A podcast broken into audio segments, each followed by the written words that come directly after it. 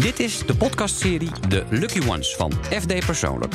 Inspirerende gesprekken van jonge ondernemende talenten met hun voorbeelden. Een paar jaar geleden begon de special FD Jonge Talenten als eenmalig experiment en is uitgegroeid tot een begrip onder lezers en startende ondernemers. Dit is niet de standaardlijst met bekende veelgenoemde namen en ondernemingen. Dit zijn de 50 mensen die werken aan een betere wereld en dat nog onder de radar doen. De FD Persoonlijk Redactie struint zelf het hele jaar door evenementen en broedplaatsen af om beloften te scouten. In deze podcastserie bieden wij de Lucky Ones de mogelijkheid om met hun inspiratie of voorbeeld persoonlijk in gesprek te gaan. In deze aflevering Lesica Curiel. Het is voor de meeste mensen al lastig om te verwoorden wat ze denken en willen. En stel je voor dat je dat als 20-jarige ook nog eens moet zien te verwoorden voor besluitvormers en multinationals uit generatie niks. Lesica kan het allebei als de stem van generatie Z. Ze doet dat voor Denktank Wetsen en daarmee vliegt ze de hele wereld rond. Hoe pak je je podium en hoe breng je over wat jij belangrijk vindt? Daarvoor gaat Lesica in gesprek met voorbeeld. Uh, ik zit hier met Clarice Gargar. En um, ik moet zeggen, het voelt een beetje alsof ik hier met Beyoncé zit. Net zo net toen je binnenkwam was het ook al echt zo van... Oh, daar is ze, daar is ze. en um, ja, ik denk dat we allemaal wel een soort van... onze persoonlijke Beyoncé's hebben um, als, als een soort van rolmodellen. Ja. En um, jij bent programmamaker, journalist en eigenlijk een soort van allround mediamaker. Ja. Zeg ik dat goed? Dat zeg je heel goed. Yes, top. Um, dus ja, je zou ook kunnen zeggen dat jij activist slash feminist bent. Dat is ook Absoluut. zoals ik jou een beetje zie. Maar uh, op je Instagram en in je Twitter bio heb ik gezien dat jij jezelf een um, customized emancipator noemt. dus uh, emancipatie op maat. Ja. Wat bedoel je precies met die term? Um, nou, ik zie mezelf dus als. Uh, er zijn twee dingen die ik doe eigenlijk. Twee soorten persona die ik heb. En dat is um, als maker en allround mediamaker. Want ik ben uh, opgeleid als programmamaker. Maar ik schrijf ook. En um, niet alleen maar journalistieke stukken, maar uh, nu vooral veel columns. Um, en daarnaast ben ik ja, hoe noem je dat? Wereldverbeteraar of uh, uh, activist zou je het ook kunnen noemen. Uh, en die dingen die hebben veel raakvlakken met elkaar. En waarom er Customized Emancipator in mijn bio staat, is omdat ik um, emancipatie op maat propageer. En dat emancipatie op maat is eigenlijk een andere manier om intersectionaliteit te vertalen. Intersectionaliteit is een feministische theorie. En die stelt eigenlijk dat um, als je voor vrouwen opkomt, als je voor vrouwenrechten staat, dat je rekening moet houden met verschillende soorten identiteiten. Dus dat. Um, uh, dat je iemand niet alleen maar een vrouw is, maar bijvoorbeeld ook een vrouw die misschien uit de provincie komt of uit de stad, of een vrouw met een, uh, met een uh, andere etnische achtergrond, of een vrouw die uit de lagere sociale klasse komt. En dat maakt al verschil in hetgeen dat jij nodig hebt om in jouw um, om jou, in, in, jouw levensbehoeften te kunnen voorzien. Um, en dat, dat daar rekening mee wordt gehouden. Dus dat je emancipatie op maat hebt. En dat je niet soort van als uh, heel generaliserend zegt. Uh, ik kom op voor vrouwen, maar dat ja. je rekening houdt met verschillende soorten vrouwen. Ja, maar de term feminist wordt nu nog veelal gezien als een term die ervoor staat dat je opkomt voor vrouwen. Denk je dat dat een soort van ouderwetse term nu is geworden, omdat we in zo'n diverse maatschappij leven? Um, dat feminist een ouderwetse term is geworden? Ja, dat, dat het nu dat we bijvoorbeeld intersectioneel feminisme. Ah, zo. Nee, ik denk dat intersectioneel feminisme of emancipatie op maat, dat dat meer het nieuwe feminisme vertegenwoordigt. Het is gewoon een andere uh, vorm van feminisme, die dus op een andere manier um, dus de strijd voert. Ja. Dus het is eigenlijk voortbedurend op hetgeen dat, uh, dat, dat feministen voor ons hebben gedaan, de vorige generaties. Ja. En meegroeien met de tijd. En uh, daar daar horen gewoon nieuwe ontwikkelingen bij. En dit is gewoon het nieuw feminisme. Ja. Dat je wereldwijd ziet, ook in Nederland. Maar in Nederland is er nog niet, vind ik, een hele goede, sterke mainstream vertegenwoordiging van. Dus dat wil ik graag uh, introduceren. Cool. En dat doe jij nu um, door middel van VN-vrouwenvertegenwoordiger te zijn, onder andere. Uh, want jij gaat in 2019 ga je Nederland vertegenwoordigen op de General Assembly, toch? In, uh, ja. in oktober in New York. Ja. Um, wat ga jij daar, uh, wat is jouw missie daar? Wat is mijn missie? Nou, het VN Vrouwenvertegenwoordiger houdt in dat je dus een Nederlands vrouw vertegenwoordigt in het Koninkrijk bij de VN. En dan um, moet je speechen tijdens de algemene vergadering. Maar gedurende het hele jaar ben je bezig met projecten en praat je met zoveel mogelijk mensen en verzamel je input en heb je een thema. Uh, en mijn thema is uh, zichtbaarheid uh, in de media, omdat nou, dat is toch zeg maar mijn gebied van expertise. Um, zichtbaarheid voor meer vrouwen, zowel voor als achter de schermen, omdat vrouwen de zichtbaarheid van vrouwen gaat achteruit en dat is heel vreemd dat dat anno 2019 je steeds minder vrouwen in beeld ziet of op posities van macht in de media, terwijl media wel heel beïnvloed um, heel erg de samenleving beïnvloeden en hoe we waar we aandacht aan besteden en hoe we naar bepaalde thema's kijken. En als de helft van de bevolking niet vertegenwoordigd wordt, dan ja, is dat ongunstig. En dan doe je een ondienst aan de samenleving. Ja. Dus ik wil me daarvoor inzetten dat er meer verschillende soorten vrouwen in beeld komen en ook op, uh, met beslissingsbevoegdheden. En dat wil ik doen op een, dus op een intersectionele manier. Dus op, op maat. Dus ervoor zorgen dat het verschillende soorten vrouwen zijn. En dat je niet alleen maar nou, mens, vrouw zoals ik zie. Of vrouw zoals jij. Um, maar ook andere soorten vrouwen. Ja. Um, en juist de vrouwen die veel minder in beeld zijn. Dus vrouwen van kleur, vrouwen met een beperking, vrouwen die uit een andere, lagere sociale klasse komen, bijvoorbeeld. En um, tijdens mijn speech. Nou, eigenlijk in dit jaar moet ik heel veel informatie verzamelen. Dus heel veel met, met mensen praten, projecten opzetten. En aan het einde moet ik dat allemaal bundelen. En dan moet ik voor de 193 lidstaten moet ik gaan speechen over uh, ja, ondervindingen. Het is heel spannend. Ja. Uh, en ik ga met heel veel mensen praten, heel veel organisaties, ook in New York. Uh, echt organisaties van alles doen, activisten, beleidsmakers. Ik heb uh, een organisatie contact met een organisatie die zich inzet tegen kindhuwelijken of voor um, uh, reproductieve rechten, dus het recht op uh, abortus en recht op seksuele vrijheid. En nou, zoveel verschillende soorten organisaties heb ik al contact mee. Ja. Um, en ik ga zelf ook een, uh, een programma organiseren, of tenminste iets, een, een event programmeren. Als eerste VN-vrouwenvertegenwoordiger ooit. Dus dat is wel tof. Ja, heel cool. Over vrouwen in de media. Ja. Dus veel te doen.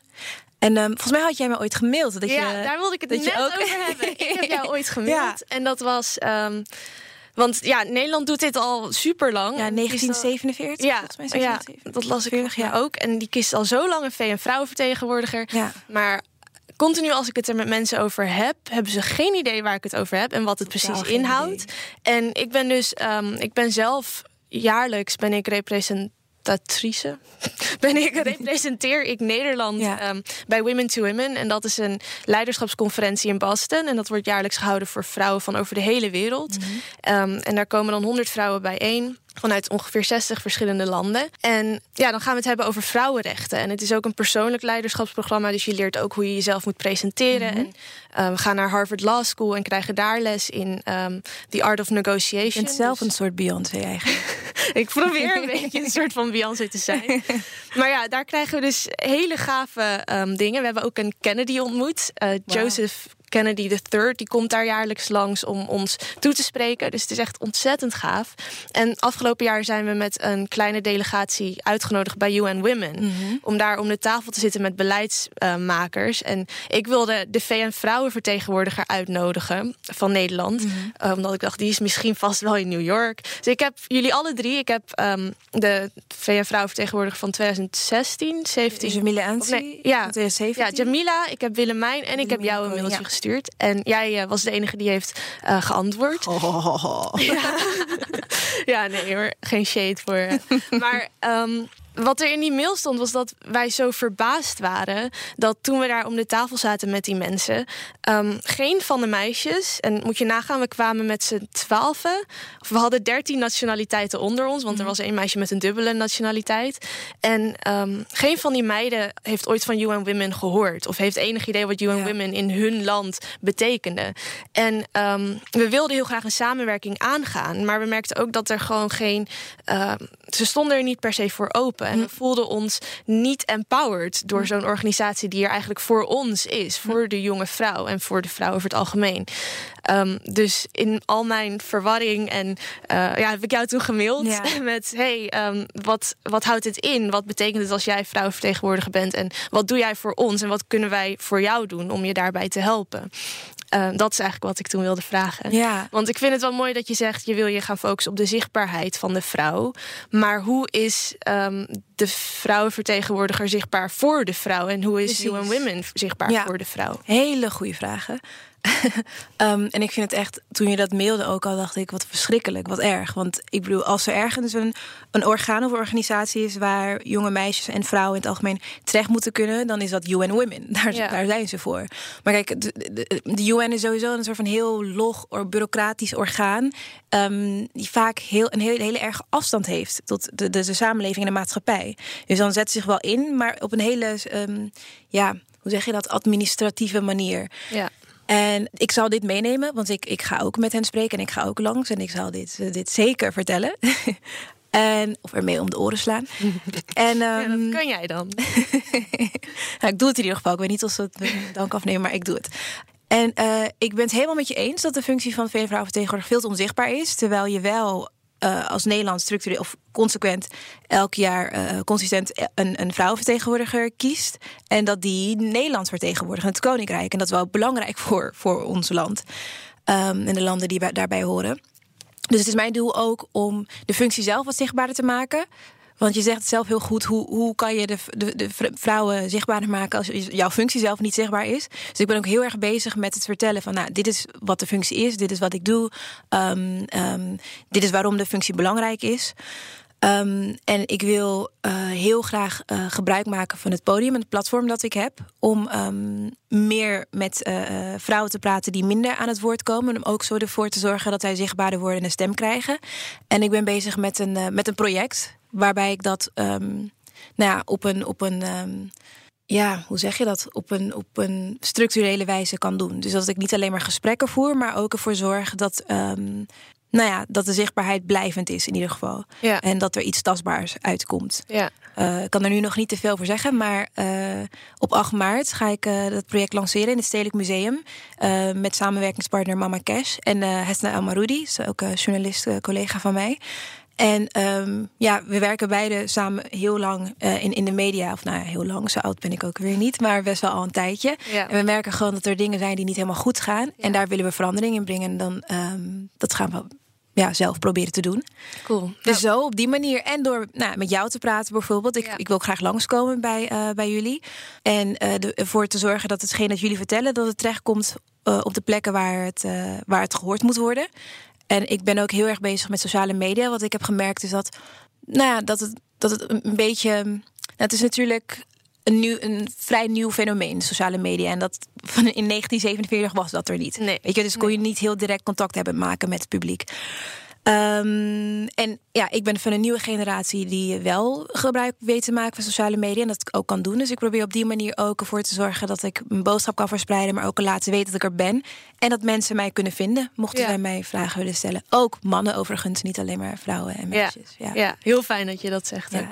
Je zegt net, jij bent van de nieuwe generatie van social media. Uh, maar jij zit net een generatie boven mij. Jij bent een millennial. Mhm. Mm -hmm. En ik ben generatie Z. Um, en van ons wordt gezegd, of van jullie werd dat sowieso al gezegd dat jullie de technologische generatie ja. zijn.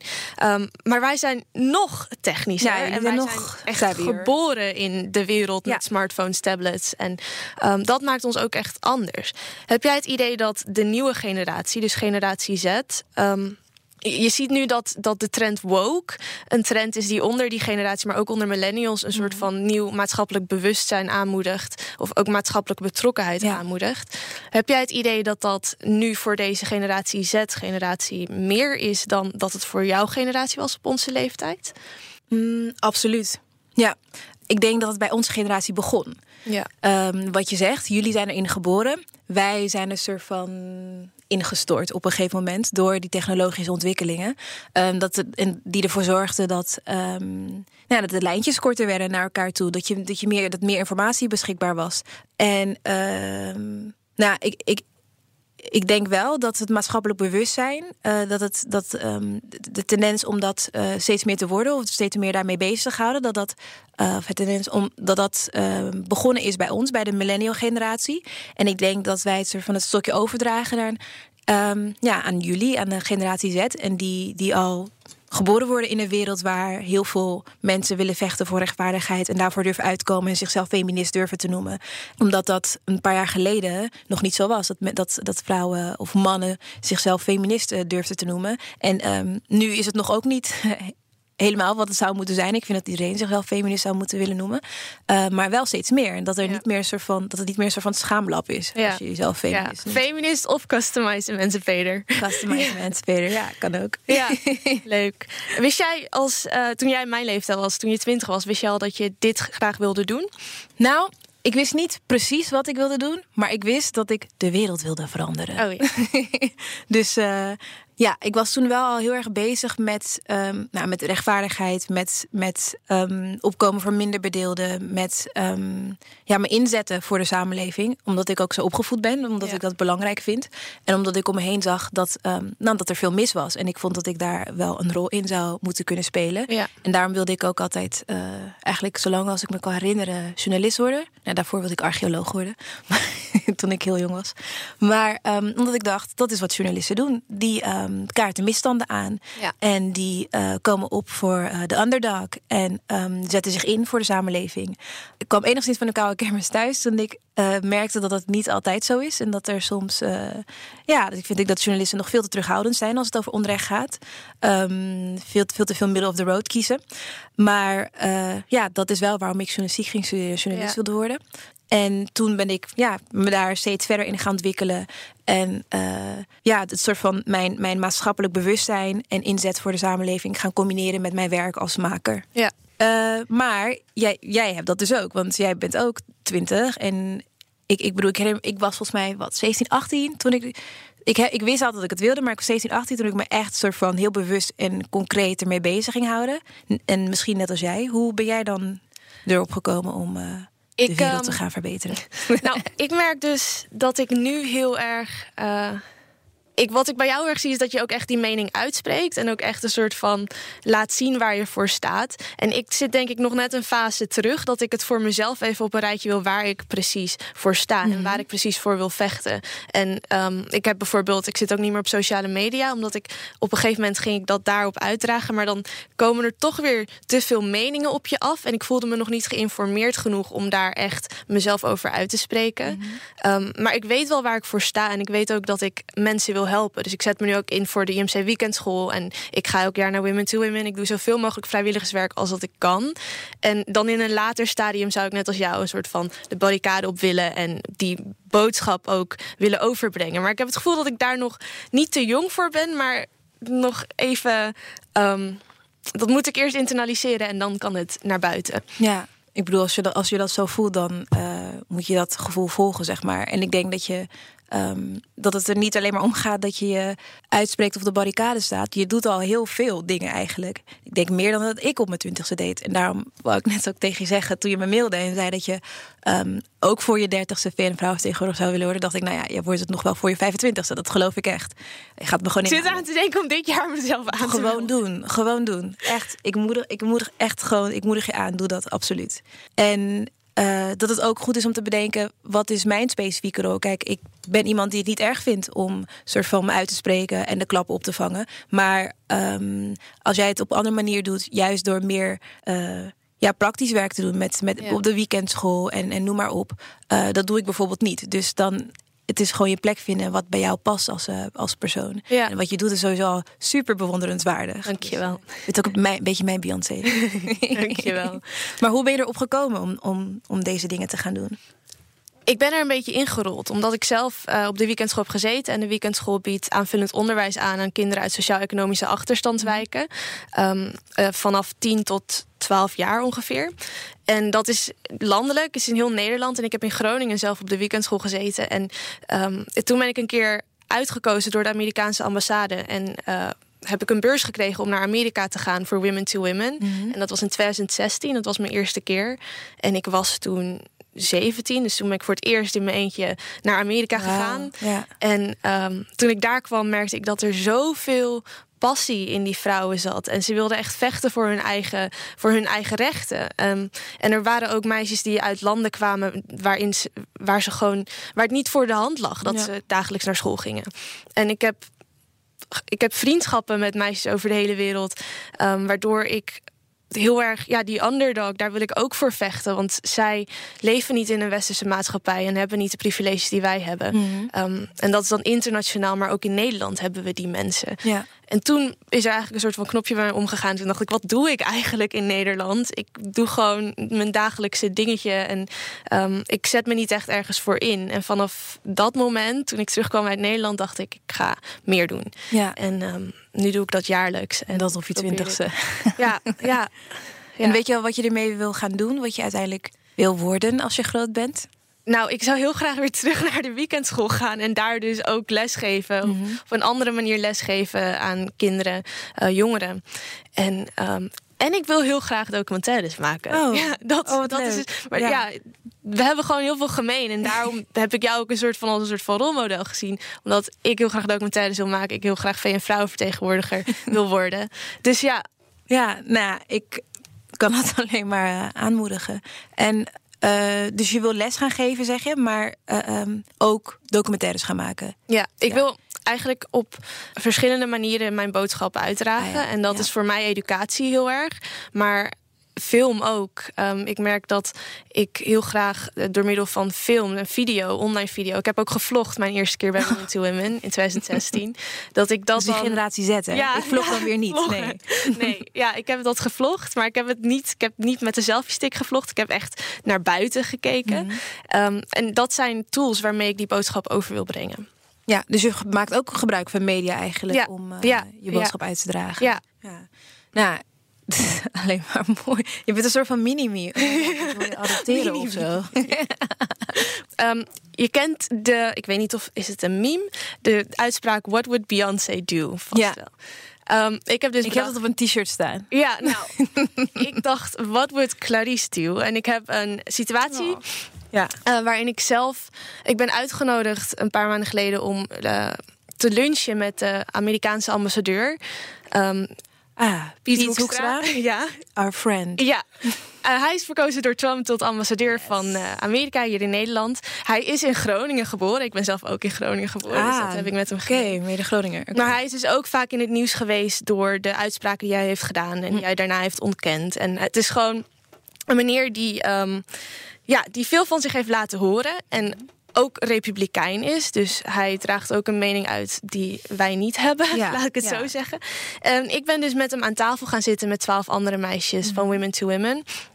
En um, we hadden het een beetje over koetjes en kalfjes. En het was, uh, het was een leuk gesprek. Het is een sympathieke man. Mm. En Um, op een gegeven moment hadden wij het gevoel van binnen als groep dat we het moesten hebben over vrouwenrechten. Ja. En we wilden daar iets over zeggen, maar ja. we merkten dat dat een beetje werd afgewimpeld. We hebben er wel wat over gezegd, maar um, toch gingen we terug naar de koetjes en kalfjes, terwijl gewoon nog een grote olifant in de kamer Hmm. stond, laat ik zo zeggen. Wat zou jij in zo'n situatie doen als jij werd uitgenodigd bij zo iemand om daar aan tafel te zitten? Um, en je hebt eigenlijk heel veel wat je wil Hmm. vertellen. Ja, moeilijk. Nou ja, ik ben ook eerder uitgenodigd. om bij, omdat ik um, Amerikaans staatsburger ben. In Ja. Amerika geboren. Um, dus ik word vaker uitgenodigd uh, bij de ambassade. En uh, toen de vorige ambassadeur er was, uh, ging ik wel vaker naar die ev- events toe. Bezocht ik die vaker. Um, dit keer ben ik niet gegaan.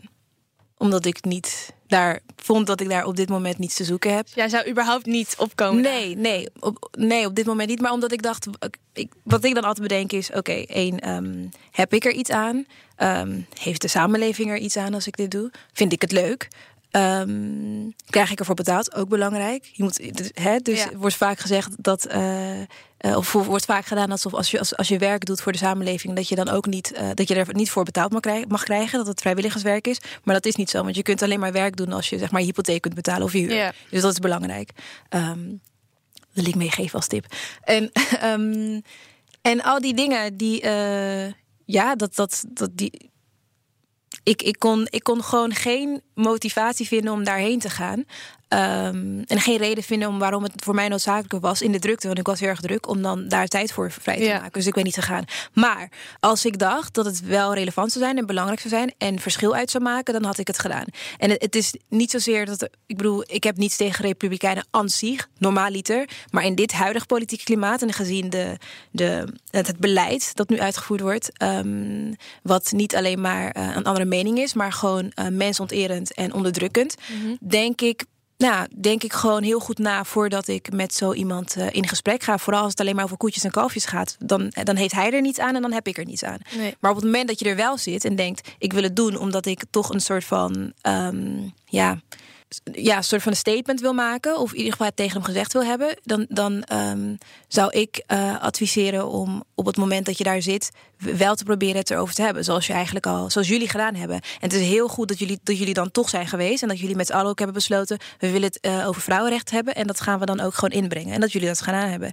En je kunt dan niet in de hand, jij hebt dan niet in de hand hoe iemand daarop reageert. Dus Weet je, maar jullie hebben het in ieder geval geprobeerd. En dat alleen al is uh, ja. bewonderenswaardig. Ja. Um, en uh, um, ik, ik, ik heb zelf ook, um, nou, ooit een keer toen ik bij een Amerikaanse ambassadeur zat. En hij iets zei wat ik niet helemaal uh, chic vond. Heb ik me erover uitgesproken.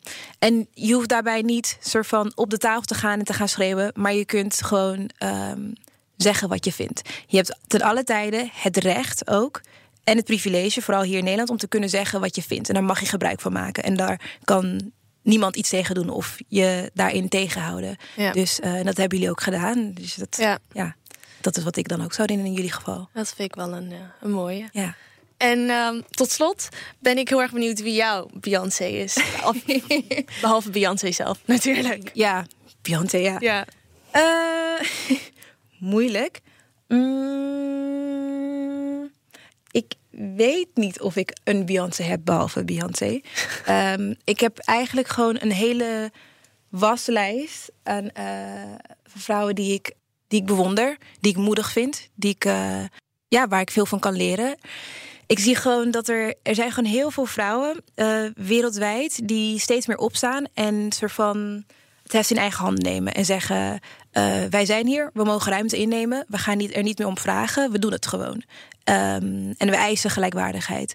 En, en we zijn boos. En we, en we hebben pijn en we vinden dingen uh, moeilijk en we willen dat gaan veranderen. En dat vind ik zo mooi en ontroerend om te zien. Ik kan daar zeg maar heel emotioneel van worden. En ik ja. kijk ook heel erg op naar dat soort vrouwen die dat durven doen op een groter podium.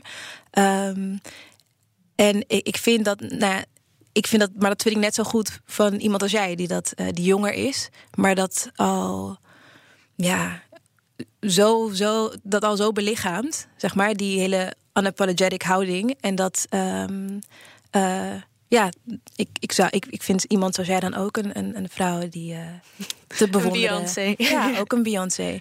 En ik denk dat we, dat, dat we het zeg maar samen moeten doen. Dat, dat, we, um, dus dat we naar elkaar kunnen opkijken. En ik vind het, ik word er helemaal een soort van verlegen van dat je zo naar, naar me opkijkt. Ik vind het enorm vlijend. Maar je moet ook beseffen dat, uh, dat jij het net zo goed kan als ik. Misschien zelfs beter. Dankjewel. Dankjewel. ik vond het echt heel leuk. Jij ook bedankt. Super inspirerend. Wil je meer inspirerende gesprekken beluisteren van een Lucky One met hun grote voorbeeld? Check je favoriete podcast-app of ga naar fd.nl/slash talenten 2019 voor een overzicht van alle jonge ondernemende beloften.